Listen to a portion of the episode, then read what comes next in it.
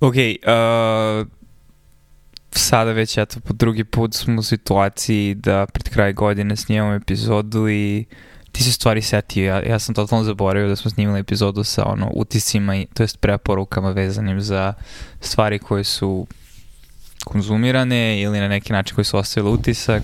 Ili koje planiramo da konzumiramo u sledećoj godini. Mislim da je bila kombinacija. Aha, okej. Okay. I ono, bez bilo kakvog reda ili klasifikacije ili kategorizacije, šta ti prvo pada na pamet? Pa, valj, da, recimo. Mislim, ja imam klasifikaciju na ovom, pošto sam razmislio pomalo od svega, ali ako ti nemaš, kreni ti pa, pa ću ja da, da ubacim svoje. Pošto znam tačno o čemu bih pričao.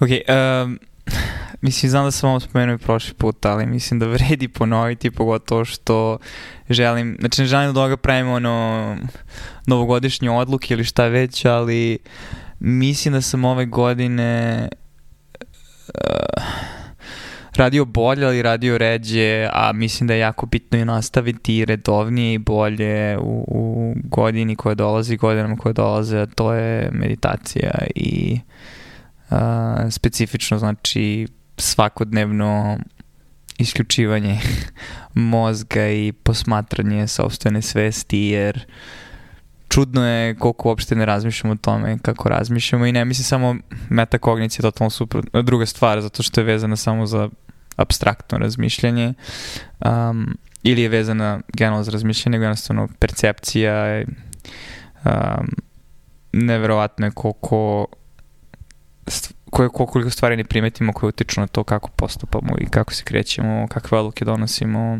kako reagujemo na stvari i mislim da pogotovo sada s godinama nemam više luksus da dopustim sebi da trčim kroz stvari, jurim kroz stvari, a osjećam fizički ono, napor svega toga sve više, tako da nešto što može da mi dopusti da redovnom praksom smirim svoj mozak i tekako ima pozitivnog utjecaja na sveukupni život. To je skoro identično onome što si rekao prošle godine u ovo vreme, jer smo tad pričali o, o Waking Up aplikaciji. Da, da, da. Ali zaista mislim da možda i dalje najbitnija stvar. Stvari ko, najbitnija ono stvar koju uprkos najboljim namerama i najboljoj uh, i, i, i iskustvu koliko doprinosi pozitivnog i dalje ne uspevam da radim redovno i određenim mesecima sam uspevao gotovo svakodnevno, određenim ono par puta nedeljno ili jednom nedeljno, ali svaki put kad uspem da uletim u ciklus vidim koliko je dobro i onda se desi nešto, radiš šurstvo noću, nešto ti izbaci iz koloseka i ispadneš iz rutine i onda se posle opet vratiš i tako ciklusi. To je zanimljivo, jer sam skoro slušao ovo nije preporuka, ali postoji novi podcast, Z-Dog MD i najpre sad imaju podcast i ovaj Z-Dog je rekao da meditira dva sata dnevno. Da je čovjek koji radi kao hospitalista i ima on, 50 stvari koje radi što na YouTube-u, što na podcastovima, ima malu decu kod kuće i meditira dva sata. K kako to ljudi rade, nije mi jasno. Da, ne znam. Mislim, ali mislim da isto količina ono, noob gains koji dobiješ uh, od bilo koje aktivnosti zavisi delimično i od same protoplazme i mislim da za ljude koji su već smireni po defaultu meditacije može da ima jako dugoročno dobre posledice, ali kratkoročno možda ne može da vidiš previše benefita, ali ono, za me, neko kao što sam ja, um, gde jako lako uletim u različite koloseke razmišljenja koji skaču jedan za drugim i za, izgubim osjećaj za kontrolu protoka misli, a, nešto što mi dozvoljava da namerno usporavam sebe i da percipiram stvari oko sebe u velikoj meri doprinosi smanjenju trenja oko sveta s kojim interagujem, jer na kraju dana ti si taj koji odlučuje kako će da interaguje sa svetom, kako će da primi vesti, kako će da reaguje na dobre ili loše vesti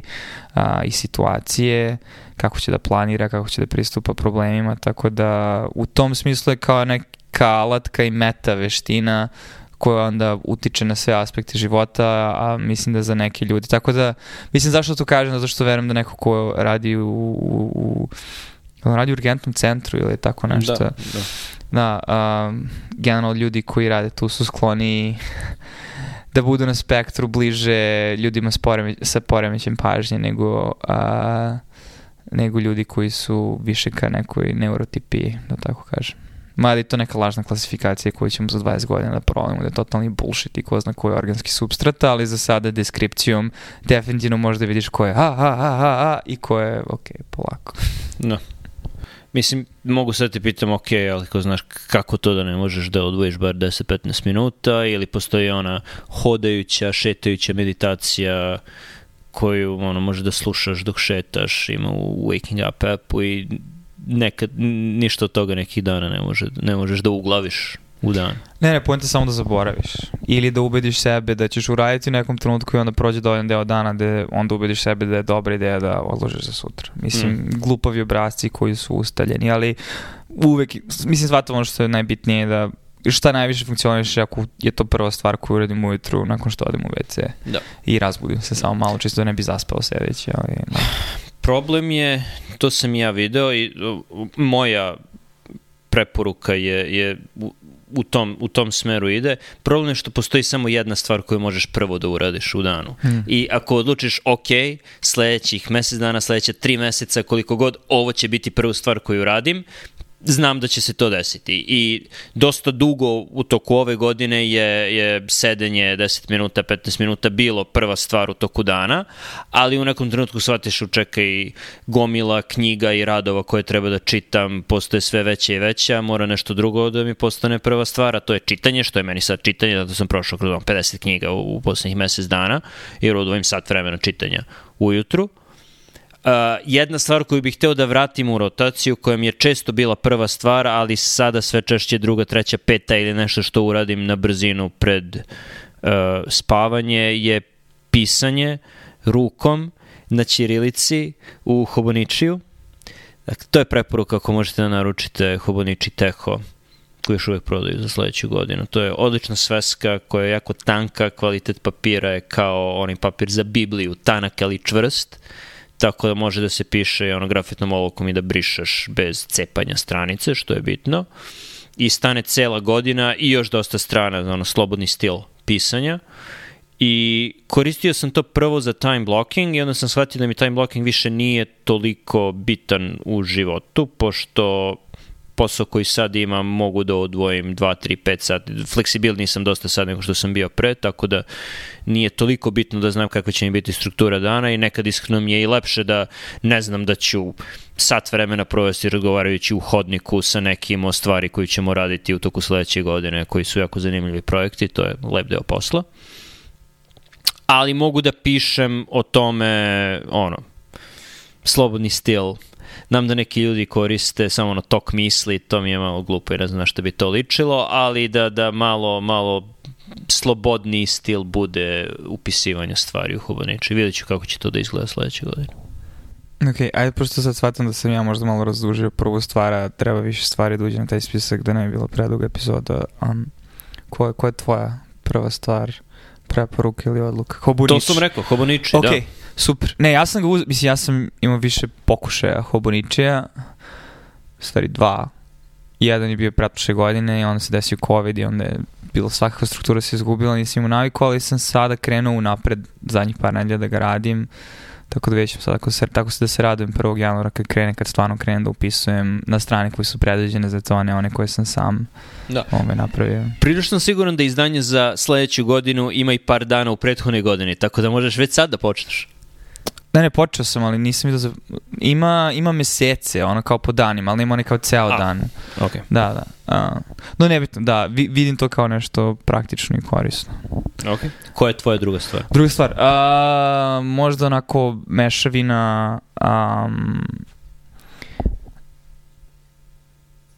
da ne bi sad razdvajao na dvije stvari, pogotovo što radim, što sam možda i prošle godine spomenuo to, ali shvatam da je bitno investirati vrijeme, pogotovo u nekom ovom uzrastu, u alate koji ti, koji su prilagođeni i koje ti sam možeš da prilagodiš načinu koji tvoje kognicije funkcioniše, a da ukloniš najneefikasnije ili najlošije navike da ti pomognu u tome da bi ti dozvoli da oni dobri aspekti tvoje kognicije mogu da onda nesmetano rade Tako da ima više alatki koje mi je pomoglo i koje mislim da su bile napredak u toku ove godine. Ili ima smisla da to stavim u jednu, u jednu ove, I, ja ću, stvar? Ja imam stavku alati za sebe i imam na umu dva alata koje ću da ubacim kao Ok. jednu preporuku. Znači, jedna stvar je vezana za generalno za neko kao što meni funkcioniše mozak, um, aplikacije za zapisivanje beležaka, mislim Rome Research je jedna od njih, ali to je ono jedna od i verovatno će se prebaciti na neku drugu zbog stvari koje možemo pričati nekom drugom prilikom, ali ovaj, bitno je ono samo da ima outliner funkciju koju možeš da zoomiraš i da ima backlink funkciju u smislu da možeš da kao Wikipediju recimo, to je možda najpribližniji primer, praviš linkove za ključne reči, naslove, nazive, tako da lako možeš da skačeš iz jednog u drugi deo i efervescentno tvoje beleške postaju sve... Za mene uklanja frikciju pisanja i ono što mi je pomoglo, recimo taj alat je da budem organizovaniji oko svog vremena, da imam nula frikcije za pisanje, vata, hvatanje beležaka na sastancima koji se pretvaraju u stvari koje treba da radim, koje posle mogu da pregledam, koje su lepo smeštene po datumima, tako da mogu da vidim šta sam koji dan pričao sa kim šta sam radio i šta planiram. I u velikoj meri mi je olakšalo pisanje nečega nalik dnevniku uh, i mislim da ove godine sam spontano pisao više nego ikada samo zato što je ta frikcija bila smanjena jako zanimljivo kako mali ono nađev ili kako god hoćeš da ih nazoveš ono neke stvari koje te malo poguraju Gurkanje? Gurkanja, da, da. A, u kontinuumu kada se kumulativno gleda mogu da naprave veliku razliku i sad kad gledam ne znam koliko sam hiljada reči ono napisao, a to mi je pomoglo opet kao alat da bolje razmišljam i uhvatim neke svoje ono, petlje u razmišljanjima gde se zaglavim, da razložim probleme um, i da uhvatim obrasce razmišljanja. Ono što je cool za razliku od dnevnika recimo koji pišeš rukom pa ga pregledaš ručno što možeš stvari da taguješ na određeni način tako da u svakom bloku, u svakom, svakoj liniji možeš staviš tag koji je recimo vezan za neku stvar, može biti vezan i za situaciju tipa nedostatak sna, ali šta ti znamo kad razmišljaš o nečemu zašto se nekako osjećaš ili i onda posle možda polako uviđaš obrazce. Naravno, treba biti previše ono, napadan sa svim tim jer onda ulaziš u problem da možeš previše da pridaš značaj stvarima koje nisu, ali poverno sam počeo da uviđam neke obrazce i definitivno da je pomoglo način na koji razmišljam. Uh,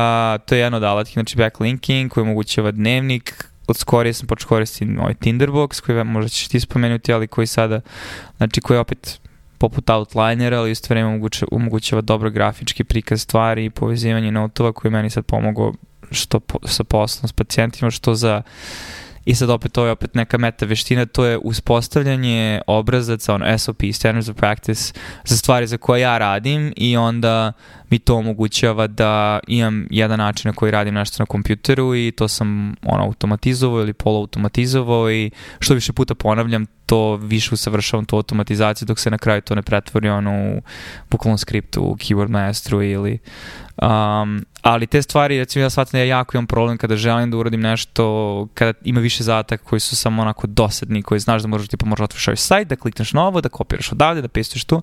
Sve te stvari koje mogu da se automatizuju, ove godine sam dosta tih stvari automatizovao i um, Keyboard Master isto je jedna od takvih aplikacija. Naravno, sve je dosta vezano za Mac, ali verujem da ima i drugih aplikacija, tekst ekspanzije i tako dalje. Sad da ne, ali generalno alati za razmišljanja uh, i na neki način ono štake ili augmentacije. Mislim, kao što je pisanje bila alatka koju smo stvorili kao vrstu u nekom trenutku i omogućilo kognitivnu revoluciju. Mislim da sad ima toliko stvari koje ćemo tek u stvari otkriti na koji način software i kompjuteri mogu da nam pomognu da jednostavno uklonimo neke stvari, da, ko što ono digitalni su sigurno u velikoj meri pomogli da ne moramo da računamo, tako imamo sad i druge stvari.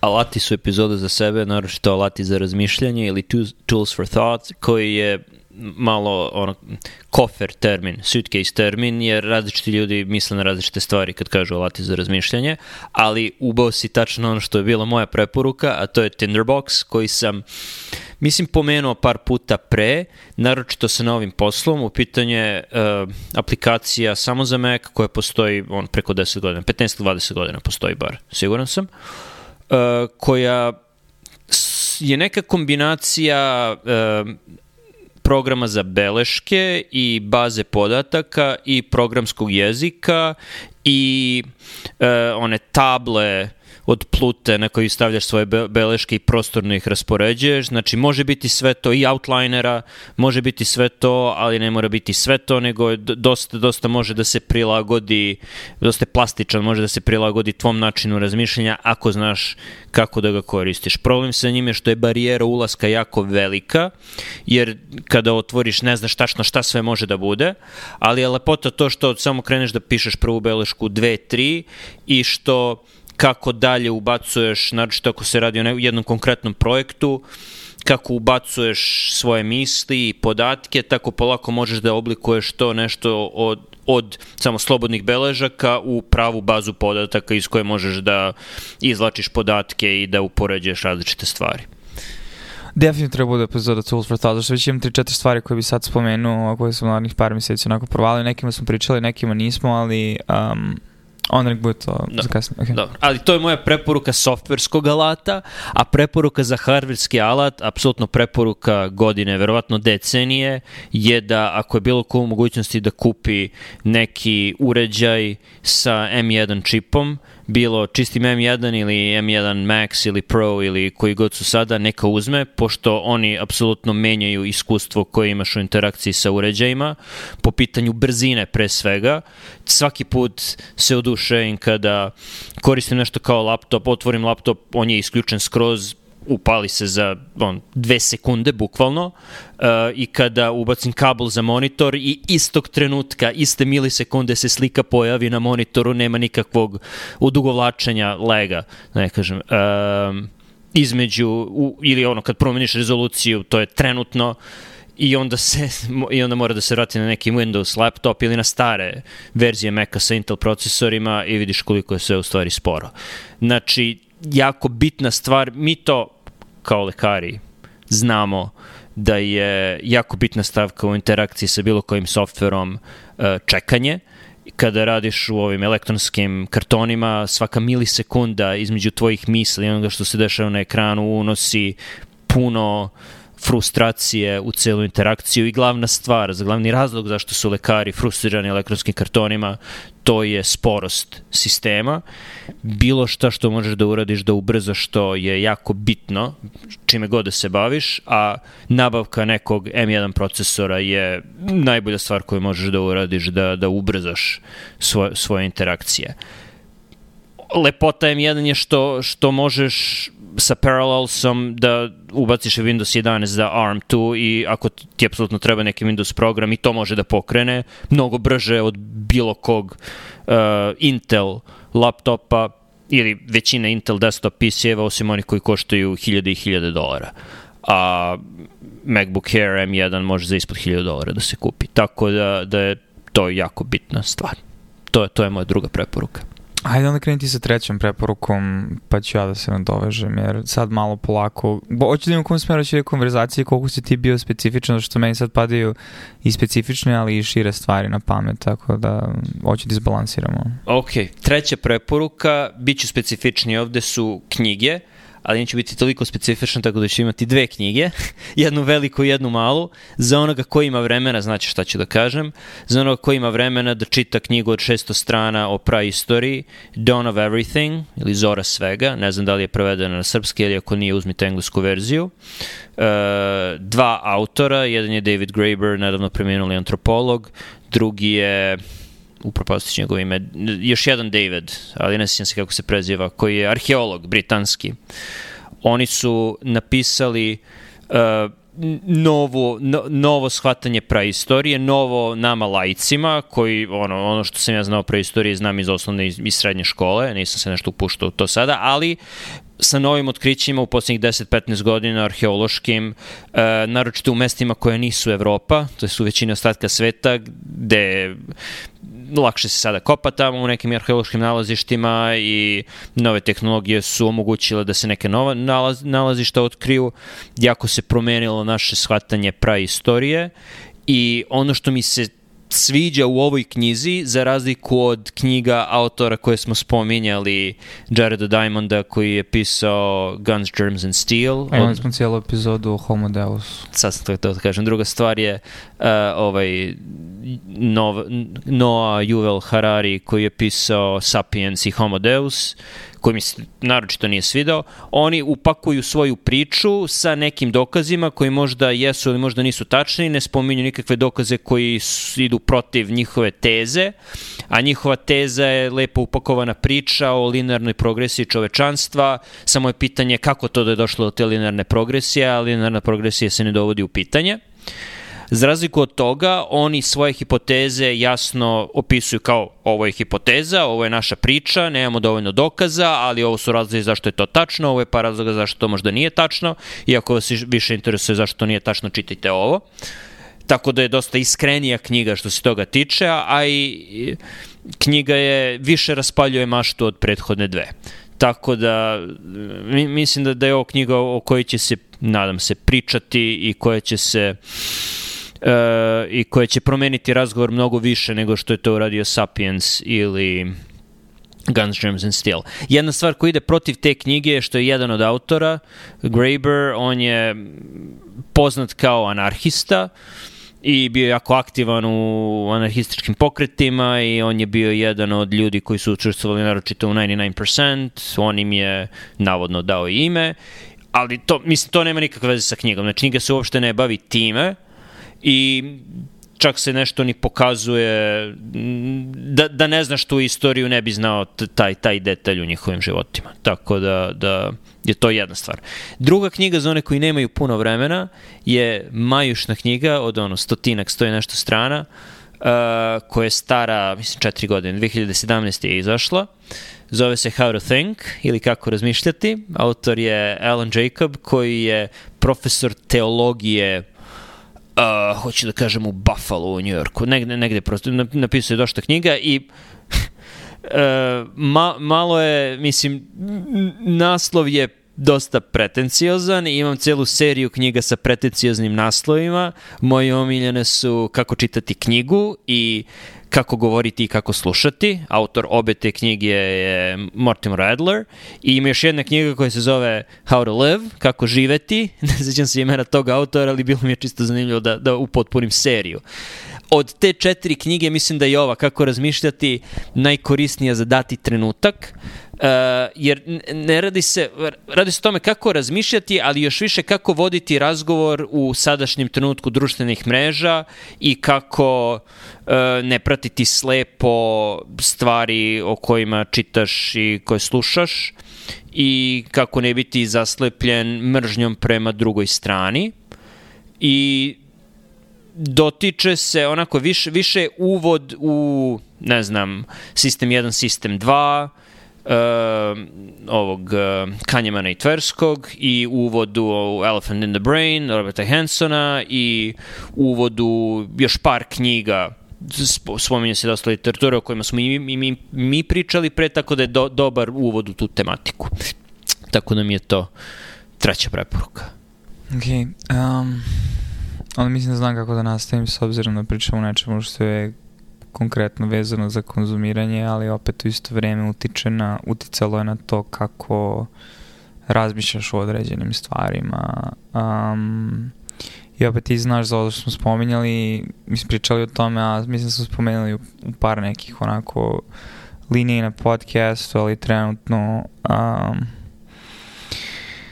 nešto što vidim kao deo razrešenja epistemološke i ontološke krize kroz koju prolazim već godinama je uh, serija predavanja koju trenutno polako slušam. Sad sam na 12. Svako je po sat vremena i, i ima ih ono 50. Ali u, uh, u pitanju je uh, serija predavanja psihologa profesora na univerzitetu u Torontu koji sam po sebi eksperimentalni psiholog, ali isto vreme um, se bavi, mislim, filozofijom, metafizikom, epistemologijom, istorijom nauke,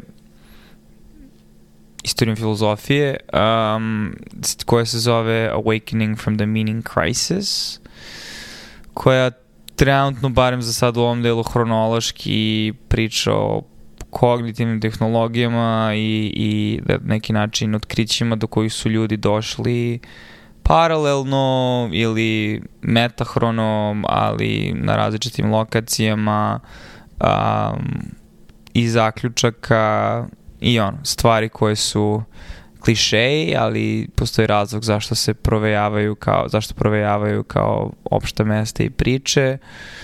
Uglavnom znam da idem jako široko i problem zašto je jako široko polje, ali samo po sebi priča o tome, znači kako kako živete život, mislim na kraju, znači kako napraviti etiku života i kako uh, pristupiti čitavom tom problemu smisla i smislenosti i, i šta to uopšte znači za nas i kako to komponovati sa trenutnim saznanjima koje imamo iz nauke i kako isto vreme razrešiti tu uh, disonancu koja postoji, a koju mislim da smo i ti ja osjećali. Mislim, to je ono ista stvar.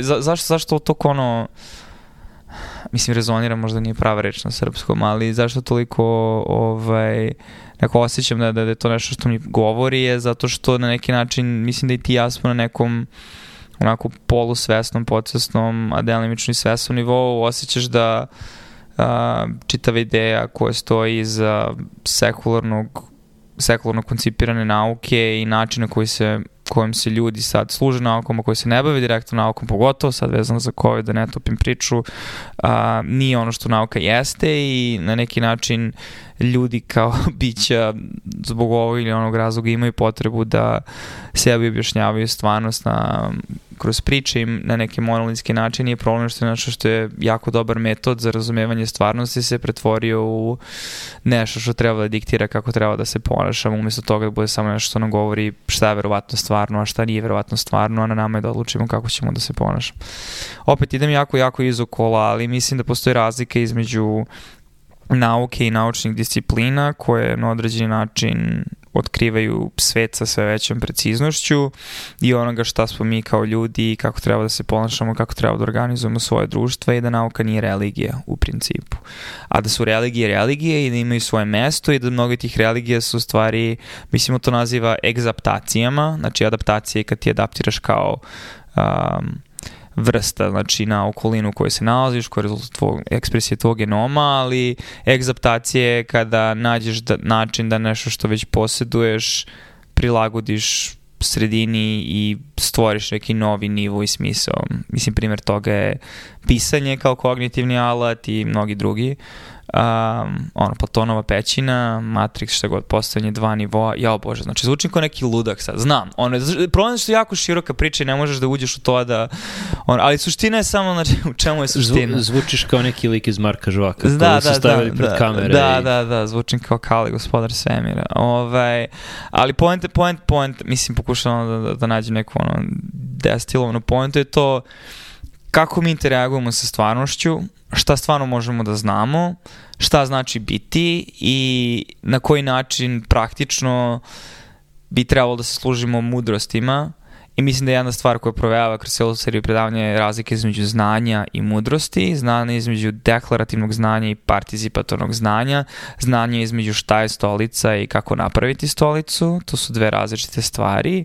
I da je bitno napraviti tu razliku zato što um, onda imamo jasniju ideju o tome, a drugo da mi težimo i toj vrsti znanja i da je bitno da znamo da postoje vrste znanja i da religiozne tradicije na neki način posjeduju te vrste znanja i da treba, mislim, u nekom novonastalom novonastaloj epohi, pošto ovo očigledno ide u nekom smeru koji nije dobar po društvo, da nađemo način kako da izvučemo sve stvari iz tih religija, da to uklopimo sa znanjima koje imamo sada i kako da nastavimo dalje. Mislim da je to suština svega toga. I ono, letio sam gomilu digresija, ali mislim da ćemo pričati o ome, pogotovo kako bojce budemo konzumirali to i kako budemo konzumirali primarne izvore, što sam pričao o filozofima i ljudima koji su došli do sličnih zaključaka u različito vreme, mislim. Ono, da. Počeo sam da gledam prvo predavanje, to i mislim da je, ako je to prvo predavanje neki indikator, mislim da je ok stvar za slušanje dok vozim u pozadini, jer dosta koncepta koje spominje već znam, samo je pitanje povezivanja i davanja par novih termina, tako da je za teren super i tu, u tom smislu je sličan ovoj knjizi How to Think, jer možda malo površniji, ali pokriva dosta stvari, čisto da, da, da bude uvod u, a, ako te interesuje detaljnije, da, da sam proučiš primarnu literaturu.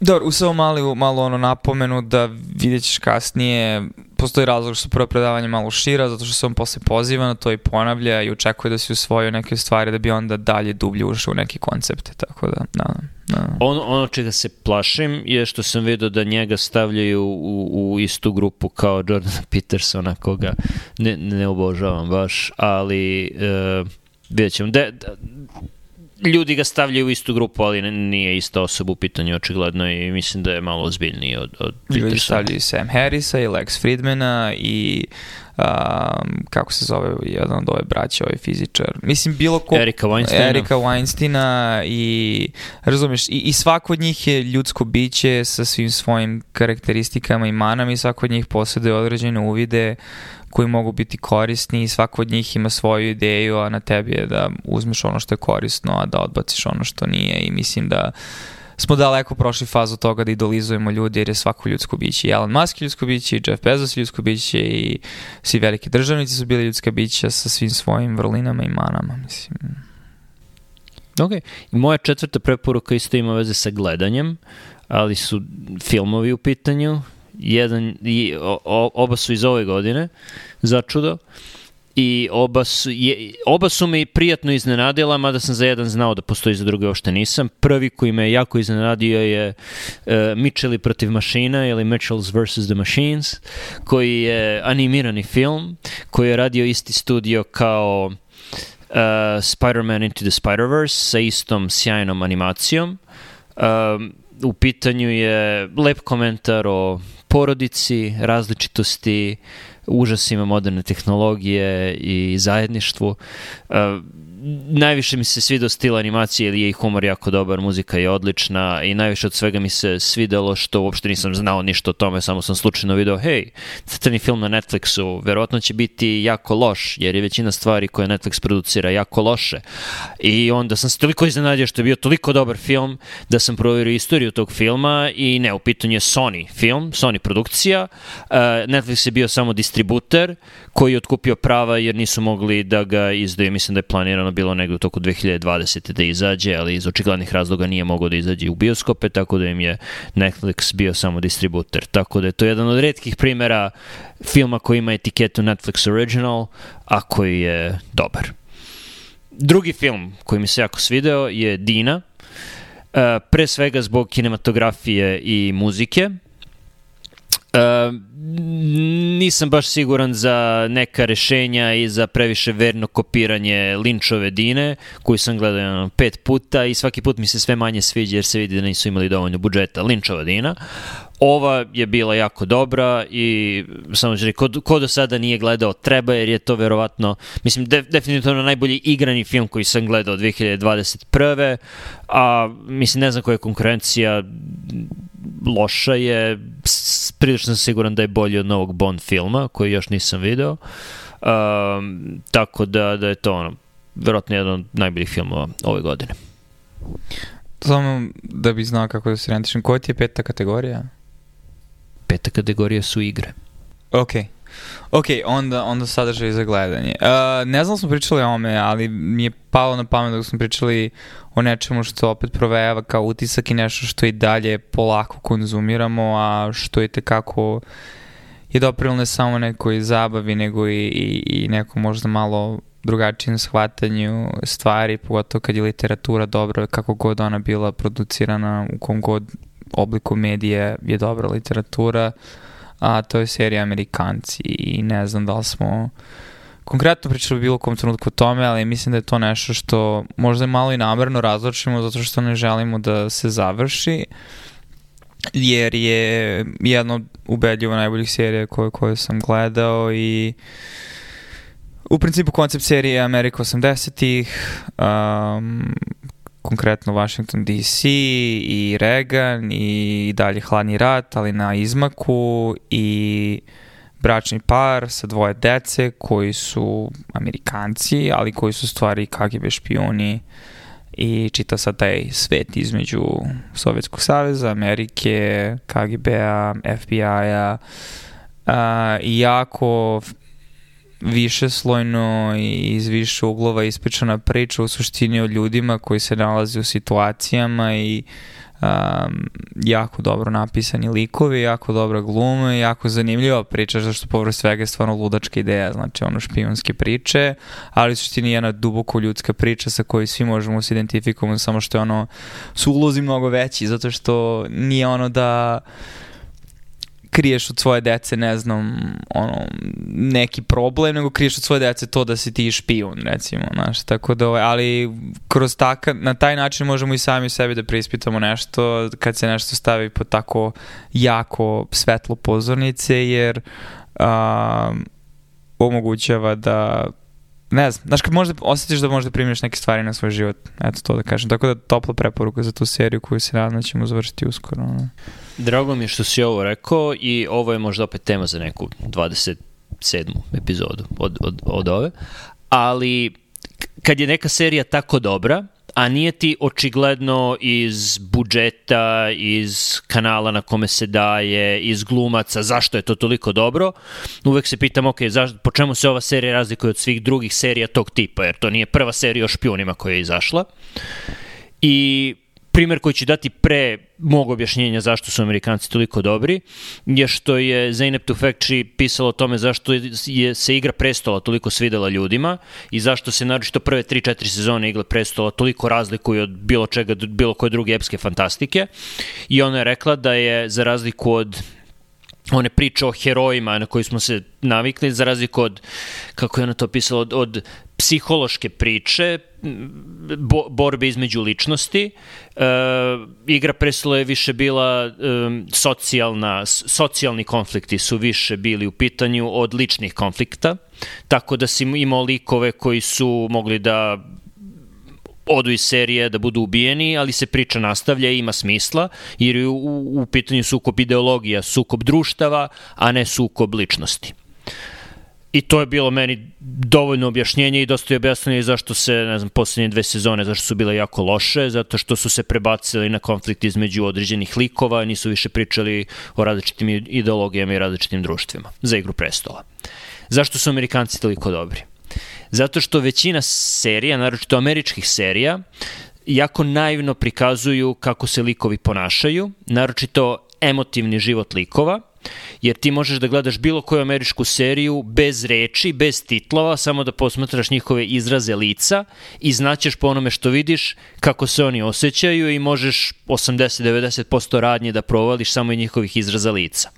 I to je tipična američka serija, sitkomi su po tome tipični jer imaju, sitkomi imaju uh, naročito izraženu facijalnu ekspresiju, ali i drame su takve gde ono radnja koja se dešava, ono kako likovi treba da se osjećaju, ta, takav izraz lica imaju. Dok stvarni život nije takav, u stvarnom životu mi iz ličnog iskustva znamo da neki put se osjećamo na jedan način, super si srećan, sve ide super i neko te pita kao šta nije u redu jer ti izraz lica onako neutralan. Uh, I Amerikanci su takvi, definitivno, jer je tu baš izraženo da neki put se likovi ponašaju i izgledaju upravo suprotno od onoga što ti znaš da osjećaju iz prethodne radnje ili iz flashbackova ili iz drugih stvari. Tako da mislim da je to jedna od, od jedinstvenih stvari u toj seriji i š, po čemu je približnija životu, čak i ako se radi o, ne znam, KGB agendima i toliko je, toliko je va, u drugim stvarima, toliko je van uh, normalnog ljudskog života, ali u toj jednoj stvari najpribližnija ljudskim životima. Da, negde sam čuo, mislim da ono, za, za, za dobru glumu mora da, mo, mislim, naravno, mora da, mora da postoje dva nivoa. Znači, ne možeš da glumiš na jednom nivou. Ne možeš da glumiš ono što tvoj lik kaže, da to i misli, jer to onda nije zanimljivo i nije približno stvarnosti. Uh, treba da glumiš na dva nivoa, da tvoj lik kaže ono što ne misli. Uh, I mislim da tu, u tome jeste nešto, što onda ti sam proživljavaš taj unutrašnji konflikt. I naravno, serija koja čije premisa da ljudi lažu non stop i čiji su čitavi životi laži vrlo konstruisane. Uh, ima dosta materijala i mislim da u suštini je ne postoji ni jedan dobar film koji nema u suštini dobar scenario i, i znači jednostavno pisanje, ono, srž, skelet, svega toga mora da bude besprekoran da bi onda glumci mogli da izvuku najviše iz toga i onda kinematografija tu dolazi, ali znaš, ova serija nije nešto pretrano, mislim budžet je takav, ali nije ni bitno, mislim bitno je šta ti proživljaš i stvarno imaš osjećaj kada čitaš neki jako dobar roman, mislim, tako da, slažem se, ovaj, više nivoa. Ok, i peta stvar, igrica? Igrica. Razmišljao sam da li da dam jednu kompjutersku igru, jednu igru na tabli. E, varaću i daću prvo jednu igru koja je i kompjuterska igra na tabli i znaš šta ću reći. U pitanju je Twilight Struggle ili Sumračna borba. Uh, igra je stara, stara je već 7-8 godina sad. Uh, u pitanju je prvo izašla kao igra na tabli za dva igrača u kojoj jedna strana je Amerika, druga strana je Sovjetski savez u vreme hladnog rata, znači od 45. do, mislim se završa 89. godine gde uh, obe strane nikada nisu naravno direktno u sukobu, osim ako jedna od te dve strane ne izgubi igru, gubiš igru tako što pređeš u otvoreni rat, uh, ali vodite borbu na tabli koja je mapa sveta gde se boriš za uticaj u različitim zemljama. Tako je organizovana igra da Sovjetski savez uvek prvi igra, tako da on nameće stil igre i Sovjetski savez zbog vrste karata koju imaš, a karte su sve u stvari istorijski događaj, postoji karta, uh, ne znam, Nixon ide u Kinu, karta Nezavisni crveni, na kojoj je Tito, znači ima tak, tak, karte koje su stvarno istorijski događaj. U početku igre karte su jako naklonjene Sovjetskom savezu i Amerikanci moraju dobro da igraju, da, da prate rusku igru, da, da ne, ne izgube, ali se onda stvari okreću i, i mogu i Amerikanci da pobede. Ali sam način igre, čak i ako znaš koje su sve karte, a ako ne znaš, tu tek postoji puno iznenađenja koja karta radi šta. Uh, kad kao Amerikanac dobiješ Fidela, a u Frusi staje ono tri utice na kubu, ti onda izgubiš sve. Uh, znači, to je jedna stvar. Druga stvar je što ono, ti kao američki igrač tebi mogu da budu podeljene neke sovjetske karte, tako da moraš da dobro igraš nekad i na svoju štetu, ali u, moraš da razmišljaš o tajmingu, moraš da razmišljaš pet koraka unapred, moraš da razmišljaš o tome koje karte imamo i proti... I, igra ima puno nivoa, tu je i element, i element sreće, što je bitno u igrama, znači nije isključivo šah, ima i uh, ono, bacanje kockice, Tako da je odlična kombinacija strategije, taktike i sreće. Jel mi veruješ sam, nastavit ću sam, sinoć sam bukvalo mislio da započnem novu igru na, na ono, da, da, da započnemo online sa tobom. Da, dobra stvar je što da postoji i verzija za PC i za Mac na Steamu koja je, možeš multiplayer, igra je potezna naravno, ali možeš da igraš toko ono nedelju dana, dve nedelje na izmenično poteze, tako da je to i, i, i kompjuterska igra. Ali na tabli je uvek bolje. E, to je jedna stvar. Druga stvar koja me opušta je Death Stranding za PlayStation 5 koja je igra u kojoj nema, igra iz trećeg lica i na prvi pogled deluje kao standardni RPG ili pucačina ili tako nešto, ali nema oružja, tvoja uloga je da prenosiš robu iz jednog mesta u drugo kroz post-apokaliptične predele i e, muzika i scenografija i sam tempo je dosta opuštajući jer generalno ne žuriš nego tako šetaš preko potoke preko potoka planina, kroz šume, uh, možeš da izbegavaš neprijatelje, tako da je, da je dosta, dosta opuštajuća i deca vole da gledaju kad ja igram, tako da je to jedna od igara koje možda mogu da bude onako porodična zabava.